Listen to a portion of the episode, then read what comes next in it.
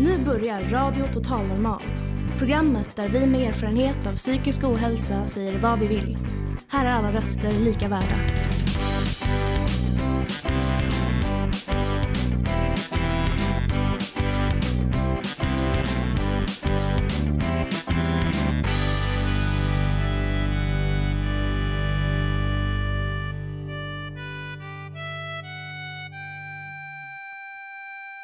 Hej och välkomna till Radio Total Normal, programmet som görs av oss med egen erfarenhet av psykisk ohälsa. Idag denna skälvande sista dag på året sänder vi här i P4. I dagens program kommer vi att få lära oss hur man beställer en taxi utifrån sin diagnos. Något som kan komma väl till pass ikväll.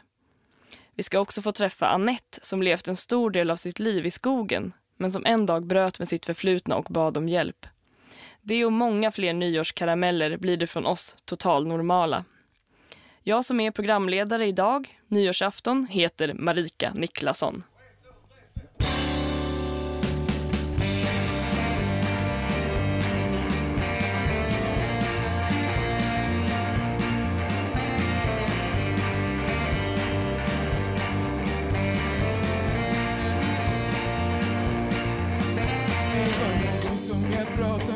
Var av men satan förstod att känslan finns att springa loss som en dröm som att vakna ur ett sol. Som söt lycka i denna stad är relationen mellan oss. Att hitta något värre än sig själv är underbart. Kunna säga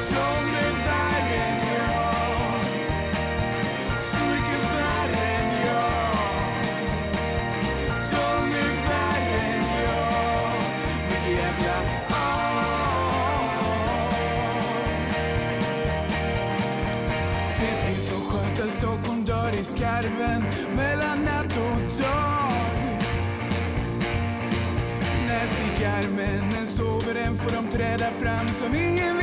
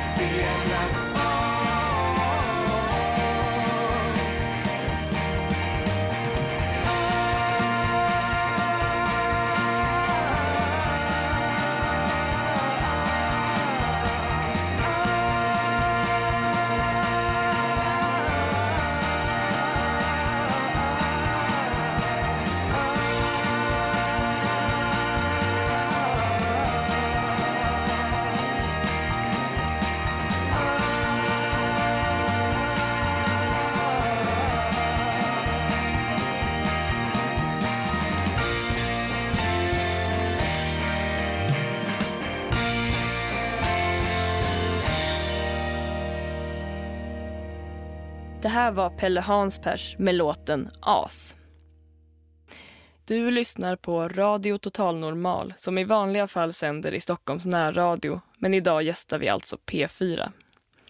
Ikväll kommer gatorna att fyllas av uppsluppna nyårsfirare, men somliga kommer att få se fyrverkerierna genom ett fönster på en låst avdelning. Hur mycket vet vi egentligen om hur det går till på psyket? Den frågan tog vår reporter Janne Holmbring med sig ut på stan. Ursäkta, får jag ställa en kort fråga? Du, eh, hur tror du att det går till på en psykiatrisk vårdavdelning? Jag har faktiskt ingen aning. Någon bild har du väl? Ja, man sitter väl och eh, pratar med en eh, psykolog om sina problem antar jag och sen så, ja. Men vad, vilken bild har du fått av psykiatrin överhuvudtaget? Ah, den är väl inte, alltså den är inte helt positiv, det kan jag inte säga. Utan eh, det finns säkert mer att göra. Alltså det känns som de eh, dämpar det mesta med eh, olika typer av läkemedel liksom. Eh, istället för att ge folk den terapin de behöver. Känner du till vilka läkemedel som finns? Vad är namnen på dem? De vanligaste då? Nej, det vill kan jag inte påstå. Vet, när vet du vilket år kom det första läkemedlet så att folk kunde bli utskrivna från mentalsjukhus? Det vet jag inte. Ja, det kom 1954-55 och vet du vad det hette då? Nej. Ja, Hibernal hette det. Okej. Sen kom Haldol, jag har haft alla de där. Jag har schizofreni. Jag heter Janne Holmbring. Hur det går till? Ja. Jag har inte så jättebra koll på hur det går till. Man träffar en psykolog. Det är inte säkert man gör det, kan jag bara säga. Och du vet du någonting? Nej, jag har faktiskt Vad inte. vad är det för bild av psykiatrin då? Eh, jag vet inte, den, den kanske inte är så jättebra. Jag tror kanske inte att den funkar så där som den ska direkt, vad jag har hört. Men jag vet faktiskt inte hur det går till. Vet du hur det går till på en psykiatrisk vårdavdelning? Det är mycket medicinering och tung medicinering och det, är- eh, det är ganska våldsamt. Jag vet absolut ingenting. Och du, vet du någonting? Ingenting. Jag har ingen aning. Okej, tack så mycket för svaren. Ja, Okej, hej då, kul. Ja, alltså via media så vet jag ju, har jag sett hur det går till. Va? Men jag har ingen egen, har jag, har jag inte varit själv på en psykiater och hälsat på någon eller så. Nej, Men, eh, eh, är det skamligt att ha en psykisk sjukdom? Nej det tycker jag inte. Nej, Är det skamligt att ha varit på en psykiatrisk Nej. vårdavdelning? Nej definitivt inte. Nej. Vad tror du går till nu för tiden? Är det bättre eller sämre nu? Jag hoppas att det är bättre. Jag tror att det är bättre. Vad vet du hur det går till på en psykiatrisk vårdavdelning? Jag har ingen, men är du från Sverige från början? Är USA eller? Nej, jag kommer från Nigeria. Finns det psykiatri i Nigeria? Ja, många. Är det bra där? Kan man få hjälp där? Um, ja, men medicin det är jättedyrt. Det kostar mycket pengar. Har alla människor råd med mediciner då? Ja, alla har råd att gå till sjukhus men det finns inga pengar att betala på medicin. Men ibland de kan få hjälp men det beror på vilken eh, eh, eh, sjukdom. Men psykisk sjukd- sjukdom, jag vet att det är jättesvårt behandling så det tar tid. De behöver att ta medicin för en längre tid så det, de kan inte betala så det, så det är jättesvårt. Okej, tack så jättemycket. Tack, tack, tack, tack. Hej. Vad har du för bild av en psykiatrisk, hur det går till på en psykiatrisk vårdavdelning? Eh, jag var och hälsade på min kompis när jag var 14, 15 sådär, som var inlagd på någon sån där ungdomsavdelning. Och eh, jag eh, kom kommer ihåg att jag tyckte det verkade mysigt. Att alla bara låg, hade sin varsin säng och gick omkring i så här sjukhusrockar hela dagarna och hade det mysigt medan jag var tvungen att gå i skolan. Du är avundsjuk på det.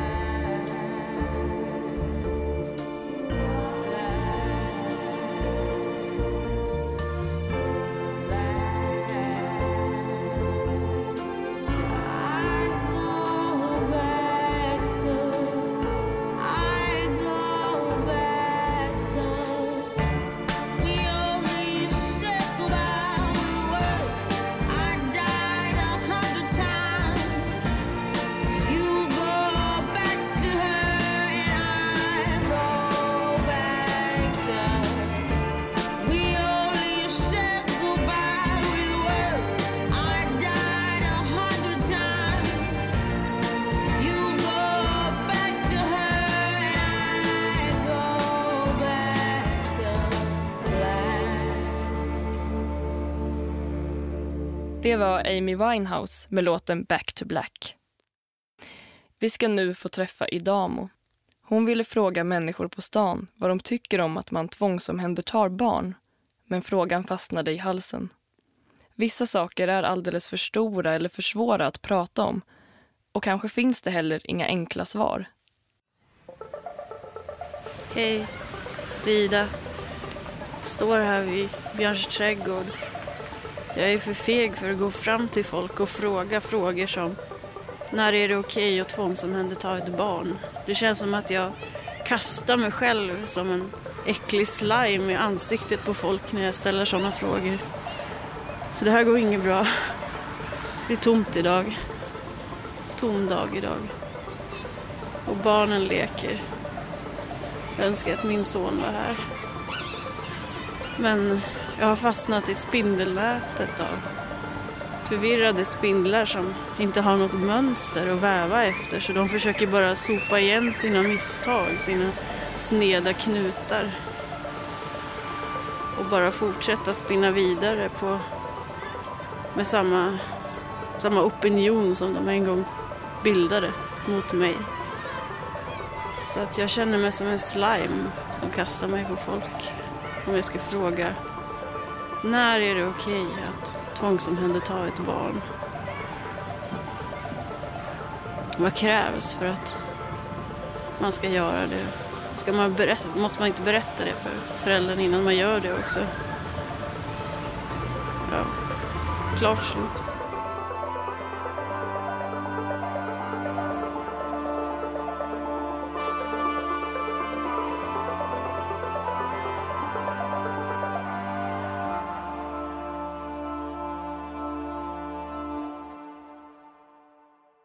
Vi på Radio Total Normal vill passa på att skicka en nyårshälsning till Idamo och till hennes son som nu är tillbaka hos sin mamma.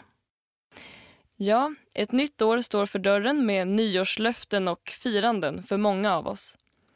Men är man papperslös är framtiden väldigt osäker. Vi ska få höra ett reportage av Radio Total Normals reporter Rickard.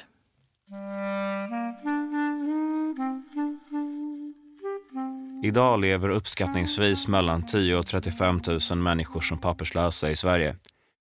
Dessa människor lever i en skuggvärld utanför samhällets ramar där rädsla och utanförskap dominerar vardagen. Mohamda Lincoln är en av dem. Uh, många som bara inte jag, det är många som uh, människor här är papperslösa. Och många, många som har psykiska problem också. Eh, därför eh, de har inget pengar, de har inte mat, de kan inte jobba. Eh, det är bara tråkigt, det är inte roligt.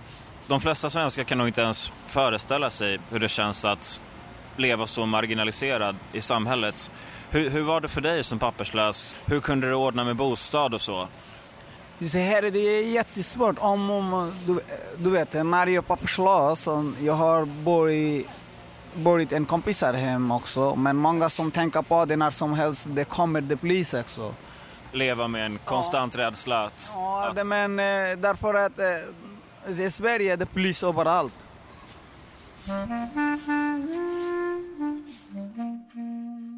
Lincoln kom som politisk flykting till Sverige 2008 efter att ha fängslats och torterats i sitt hemland Bangladesh. Han fick efter tre år avslag på sin ansökan om asyl och levde sedan som papperslös i åtta månader. För det gick inte bra. Och det jag fick det mina kompisar och gamla kompisar det hjälpa. Och, men det är jättesvårt. Jag sitter, eh, sitter på hela tiden hemma och tänka också. Uh, fick inte bra mat, eh, ingenting. Eh, uh, där, därför jag lite psykiskt, jag har lite psykiskt problem också, alltid mental press.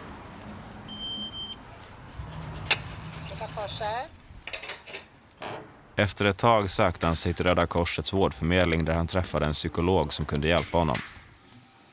Mottagningen har 3 000 inskrivna patienter, varav 700 är aktiva. Ragnhild Ule arbetar som psykolog på mottagningen. Människor söker sig ju hit och klagar ofta över fysiska besvär men vi har märkt att de psykiska eh, och psykosociala problemen ökar hela tiden.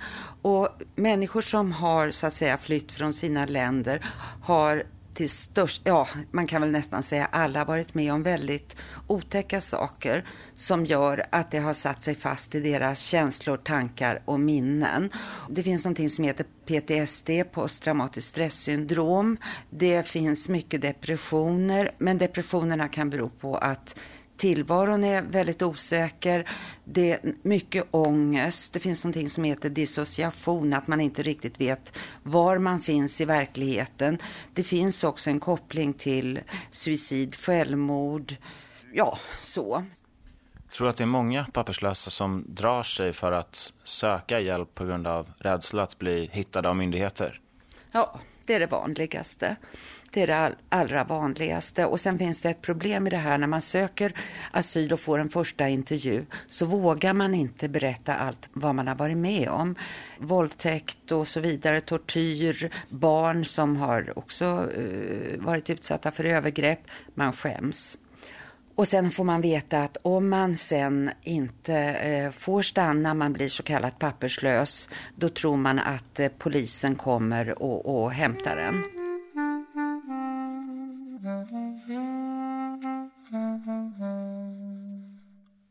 Lincoln fick hjälp av sin psykolog att få intyg om att han torterats igen när han skickades tillbaka till Bangladesh efter sin tid som papperslös. Nu väntar han på nytt på uppehållstillstånd. Han försöker att vara stark och hoppas att Migrationsverket ska tro på hans berättelse den här gången. Kan inte riktigt, men jag försöker, försöker alltid. Och jag hoppas också och det är därför att Migrationsverket påstår mig. Migrationsverket eh, påstår mitt situation. Migrationsverket eh, eh, det håller på mig.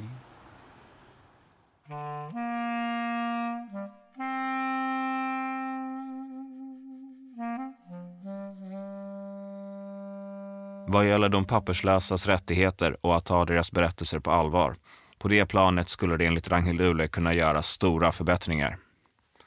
Tidigare så lyssnade man på när både läkare, psykiater eh, och psykologer skrev intyg. Nu har Sverige fått, eh, eh, blivit kritiserade av FN att vi inte sköter det här särskilt bra och att det ligger på Migrationsverket att undersöka eh, om människor har blivit eh, torterade. Det är många som har blivit torterade. Man bryr sig inte tillräckligt mycket skulle jag säga. Det är lite hårt för jag vill inte gärna lägga mig i eh, politik och migrationspolitik men så, så ser det ut. Men vi har en förhoppning om att det kommer att bli bättre.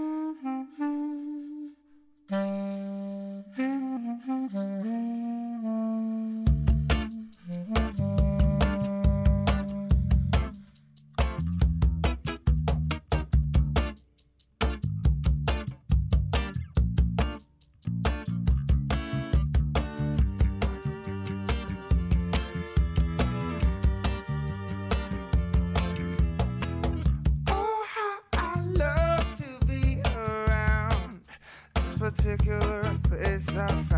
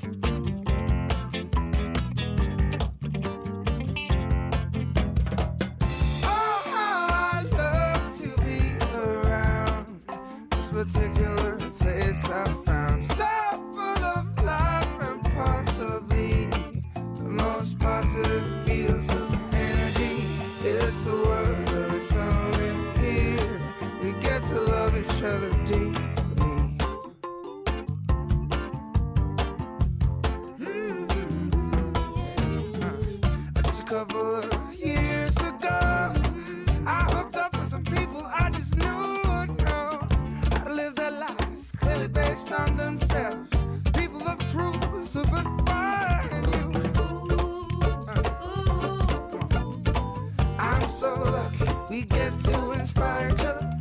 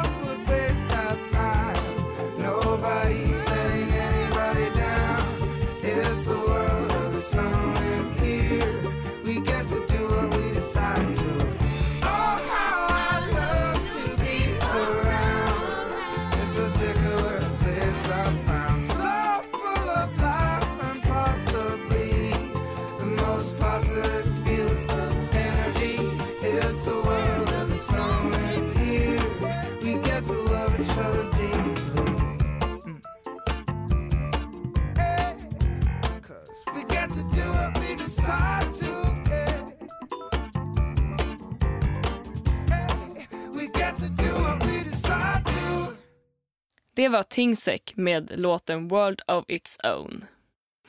I natt, kära lyssnare, kommer det förmodligen bli svårt att få tag på en taxi. Vill ni vara säkra på att komma hem i tid kan det vara klokt att boka bil redan nu. Tobias Torvid på Taxidiagnos är redo att ta emot din beställning.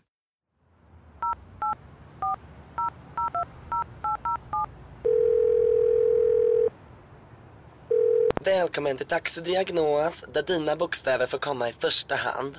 Jag heter Tobias, hur kan jag hjälpa dig? Ja, hallå, jag heter Lennart och vill boka... Vänta, var har jag kommit sa du? Taxidiagnos där dina egna bokstäver får komma Ja, jag i... hörde dig första gången. Jag bryr mig inte om vad ni heter, så länge ni kan fixa en taxi åt mig. Absolut Lennart, varifrån vill du åka? Rockstavägen, och det är i Huddinge. Bokstavsvägen ADHD, absolut. Ursäkta?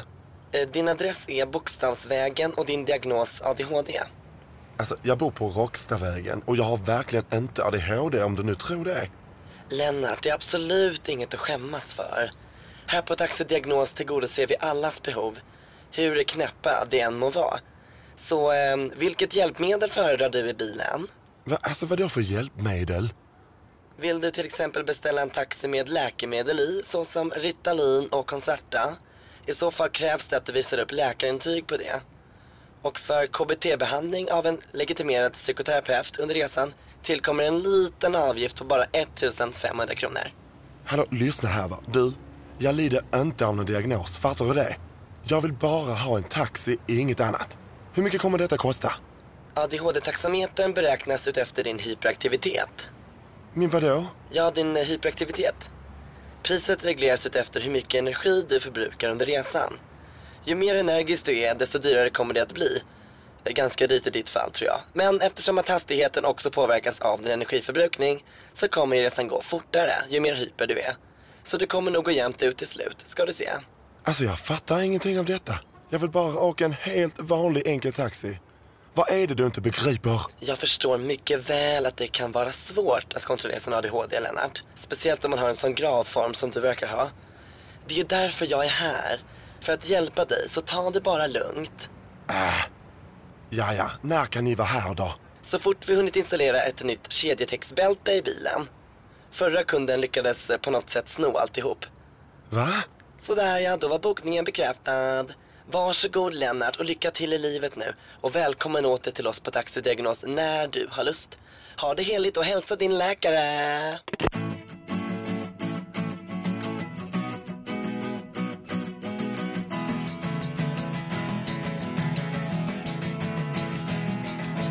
They paved paradise, put up a parking lot. A boutique, and a swinging hot spot.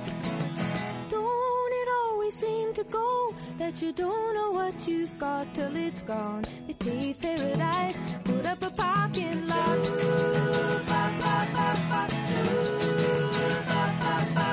They took all the trees, put them in a tree museum. And they charged the people a dollar and a half just to see 'em. Seem to go that you don't know what you've got till it's gone? They paved paradise, put up a parking lot.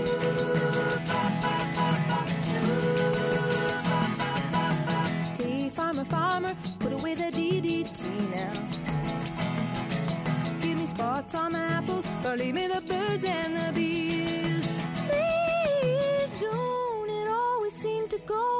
That you don't know what you've got till it's gone. They paved paradise, put up a parking lot.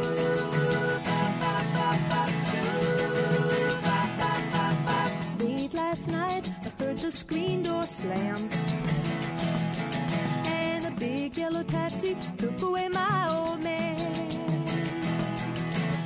Don't it always seem to go that you don't know what you've got till it's gone? We paved paradise, put up a parking lot. I said, don't it always seem to go that you don't know what you've got till it's gone? Det var Joni Mitchell med Big Yellow Taxi. Att kunna be om hjälp kan vara skillnaden mellan liv och död. Vi ska få möta Annette Wallin som alltid levt i utkanten av tillvaron som hemlös och missbrukare. Jag har ju alltid, har, liksom, knarken har varit min största kärlek. Ingen har kommit nära den. Eh, och liksom min familj, de har bara varit, de har jag valt bort så här lätt. Bara jag får ha mitt knark. Så är det att vara knarkare. Ja, vi är ju alltså missbrukarfamilj. alltså på båda sidorna släkterna. Och pappa var ju sotare och de krökade som fan alla de där. Och sen så var det så här att i den där byhålan där jag kommer ifrån så fanns det inget annat än dricka brännvin eller droga sig överhuvudtaget. Och det, tinner fanns det ju. Men sen började jag ju gå på röka brass, det fanns det också där. Och senare blev det amfetamin.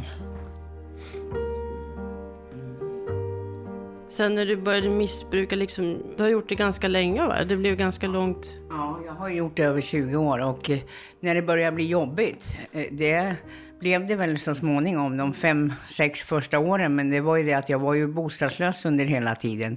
Men eh, jag kunde aldrig tänka på att det var jobbigt för då hade jag dött. Men så här i efterhand, jag säger det, aldrig mer att jag, jag bor inte ute en enda natt och jag vill inte ha någon jävla husvagn och jag vill inte ha, nej, och jag är jättemörkrädd dessutom. Hur, eh, vill du berätta lite, hur var, det, hur var ditt liv då, där, där i skogen med missbruket? Det var fruktansvärt. Skitigt, äckligt. Vi höll på och, och snodde kablar, precis som de gör idag, koppar. Och liksom, äh, det var vidrigt. Och sen så den här självkänslan av att inte kunna tvätta sig så ofta eller så här va. Eh, Man trodde sig aldrig gå ut i det sociala, gå till affären eller någonting för att alla tittade och glodde. Och sen så var det jävligt otryggt för att alla var ju så jävla påtända. Även om man var ihop med en kille och bodde i husvagnen så kunde han ju bara plopp försvinna rätt som det var som man var själv där. Och Svensson, de var inte nådiga mot de här som bor i husvagn. Tänkte du, kom tanken någon gång att du skulle försöka ändra det? Att du skulle sluta ditt missbruk, att du skulle hittade någonstans att bo? Eller hur gick dina tankar då kring ditt liv så att säga? Mm, Det, det var så här att mina tankar gick inte alls utan eh, det var väl en stiltje i huvudet. Alltså, jag längtade bara tills jag fick komma in på fängelse för då fick jag liksom mat, husrum och så tak över huvudet och jobba. Jag mådde aldrig så bra som när jag satt och, det, och jag åkte in en gång varje år för mina olovliga körningar. Och dessutom så hade jag väl någon eh, inbrottsgrej på mig och så här. Och jag tyckte det var så jävla skönt att sitta inne. Och, och liksom, för när man blir tagen då släpper man... Nej, mina tankar som sagt var, de gick inte alls. Utan det var bara att, eh, ja, punda på om man säger. Eh, bara man bara försökte fly. Eh, man trodde sig aldrig tänka hur man hade det egentligen. Då hade jag ju gått och tagit liv av mig för fan.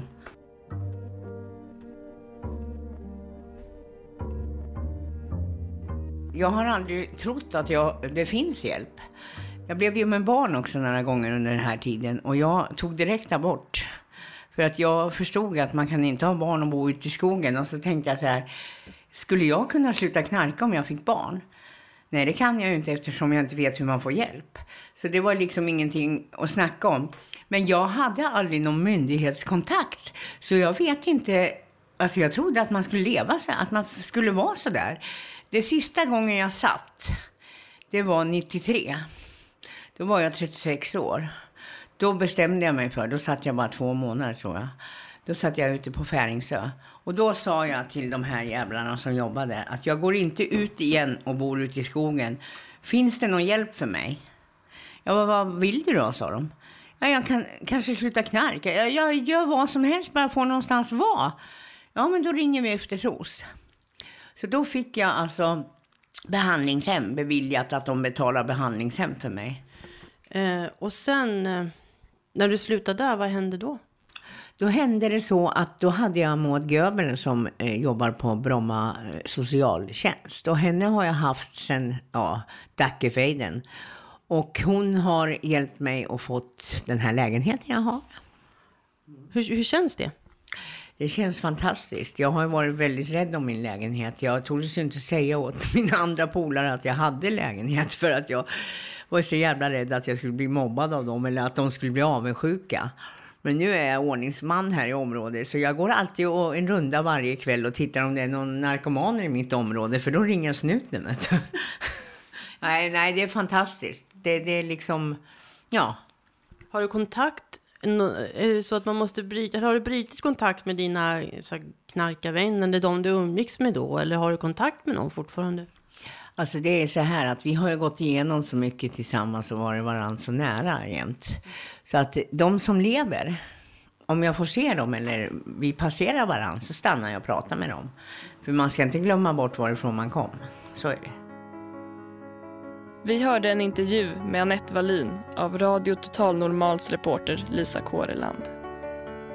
I heard that you're settled down, that you found a girl and you're married now. I heard that your dreams came true. Guess she gave you things I didn't give to you.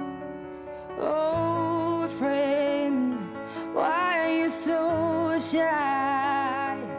Ain't like you to hold back or hide from the light. Hate to turn up out of the blue uninvited, but I couldn't stay away. I couldn't fight it. I had hoped you'd see my face and that you'd be reminded that for me it isn't over. Never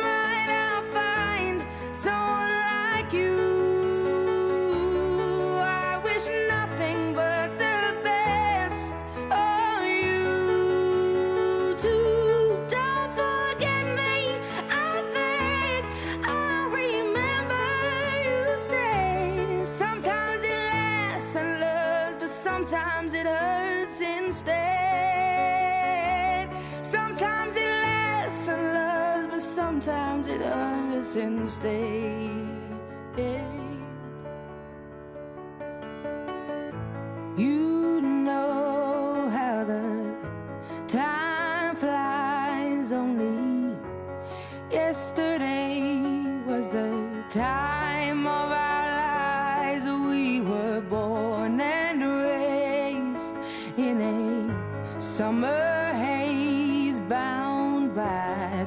surprise of our glory days. I hate to turn up out of the blue uninvited, but I couldn't stay away. I couldn't fight it. I had hoped you'd see my face and that you'd be reminded that for me it isn't over.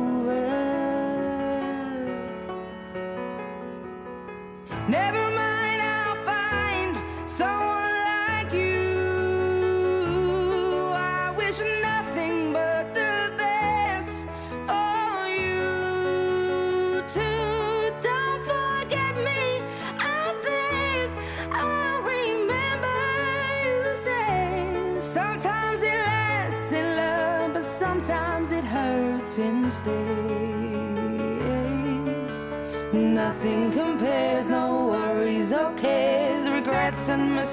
their memories made. Who would have known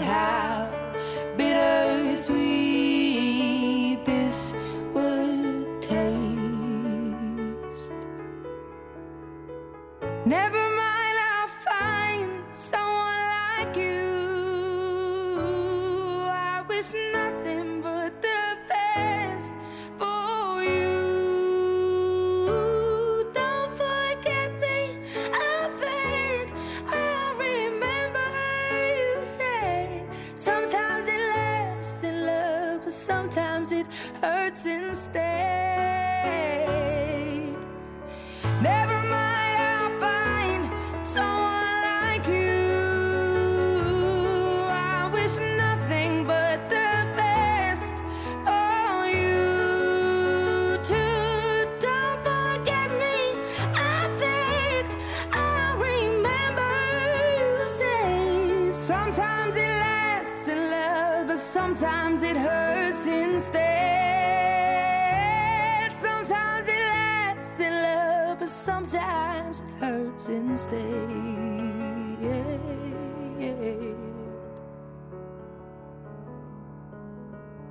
Det var Adele med Someone Like You.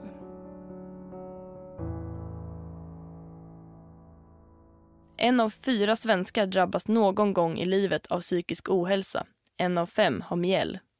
Med andra ord är det ganska vanligt att må dåligt, vara lite för uppåt eller tyngd av ångest.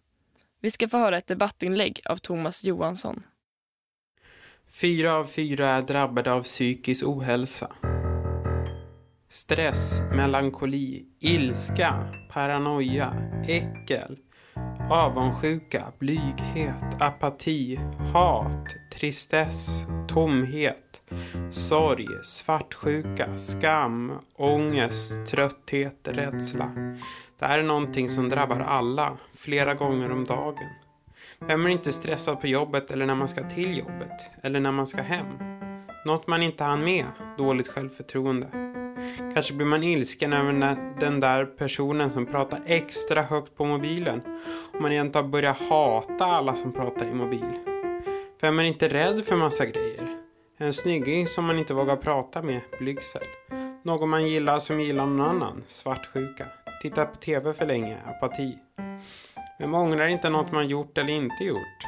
Den där ack så duktiga personen på jobbet, avundsjuka. Kallt kaffe, äckel. Köpte en till grej, inte nöjd. Tomhet. Vem saknar inte något eller någon? Vem har inte ångest flera gånger i veckan? Först på måndagen för man inte vill börja jobba, sen på fredagen för man inte vill jobba en dag till. Så jag säger bara, fyra av fyra är drabbade av psykisk ohälsa.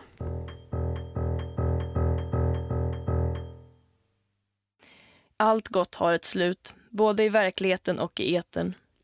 Innan vi avrundar vill jag skicka en nyårshälsning till alla ni psykiga, sårbara, totalnormala samt anhöriga som lyssnar. Och en extra pepp till alla psykradikaler som ifrågasätter normer kring psykisk ohälsa. Ett riktigt fint 2013 hoppas jag att det blir. Du har lyssnat på Radio Total Normal i P4. Radio Total Normal är ett projekt som drivs av föreningen Fanzingo i samarbete med Fountain House Stockholm och alltså ett radioprogram som görs av oss med erfarenhet av psykisk ohälsa. Vill du lyssna på oss igen, gå in via webben på www.radiototalnormal.se eller www.sverigesradio.se. Producenter var Emma Lundenmark och Melinda Vrede, tekniker Gustav Sondén. Och jag som varit programledare denna allra sista dag på året heter Marika Niklasson.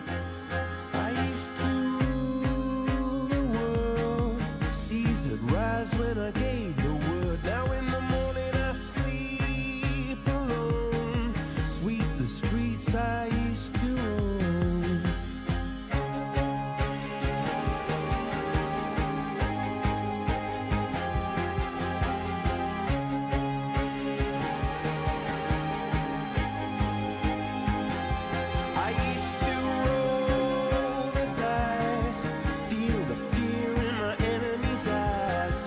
Miss the crowd.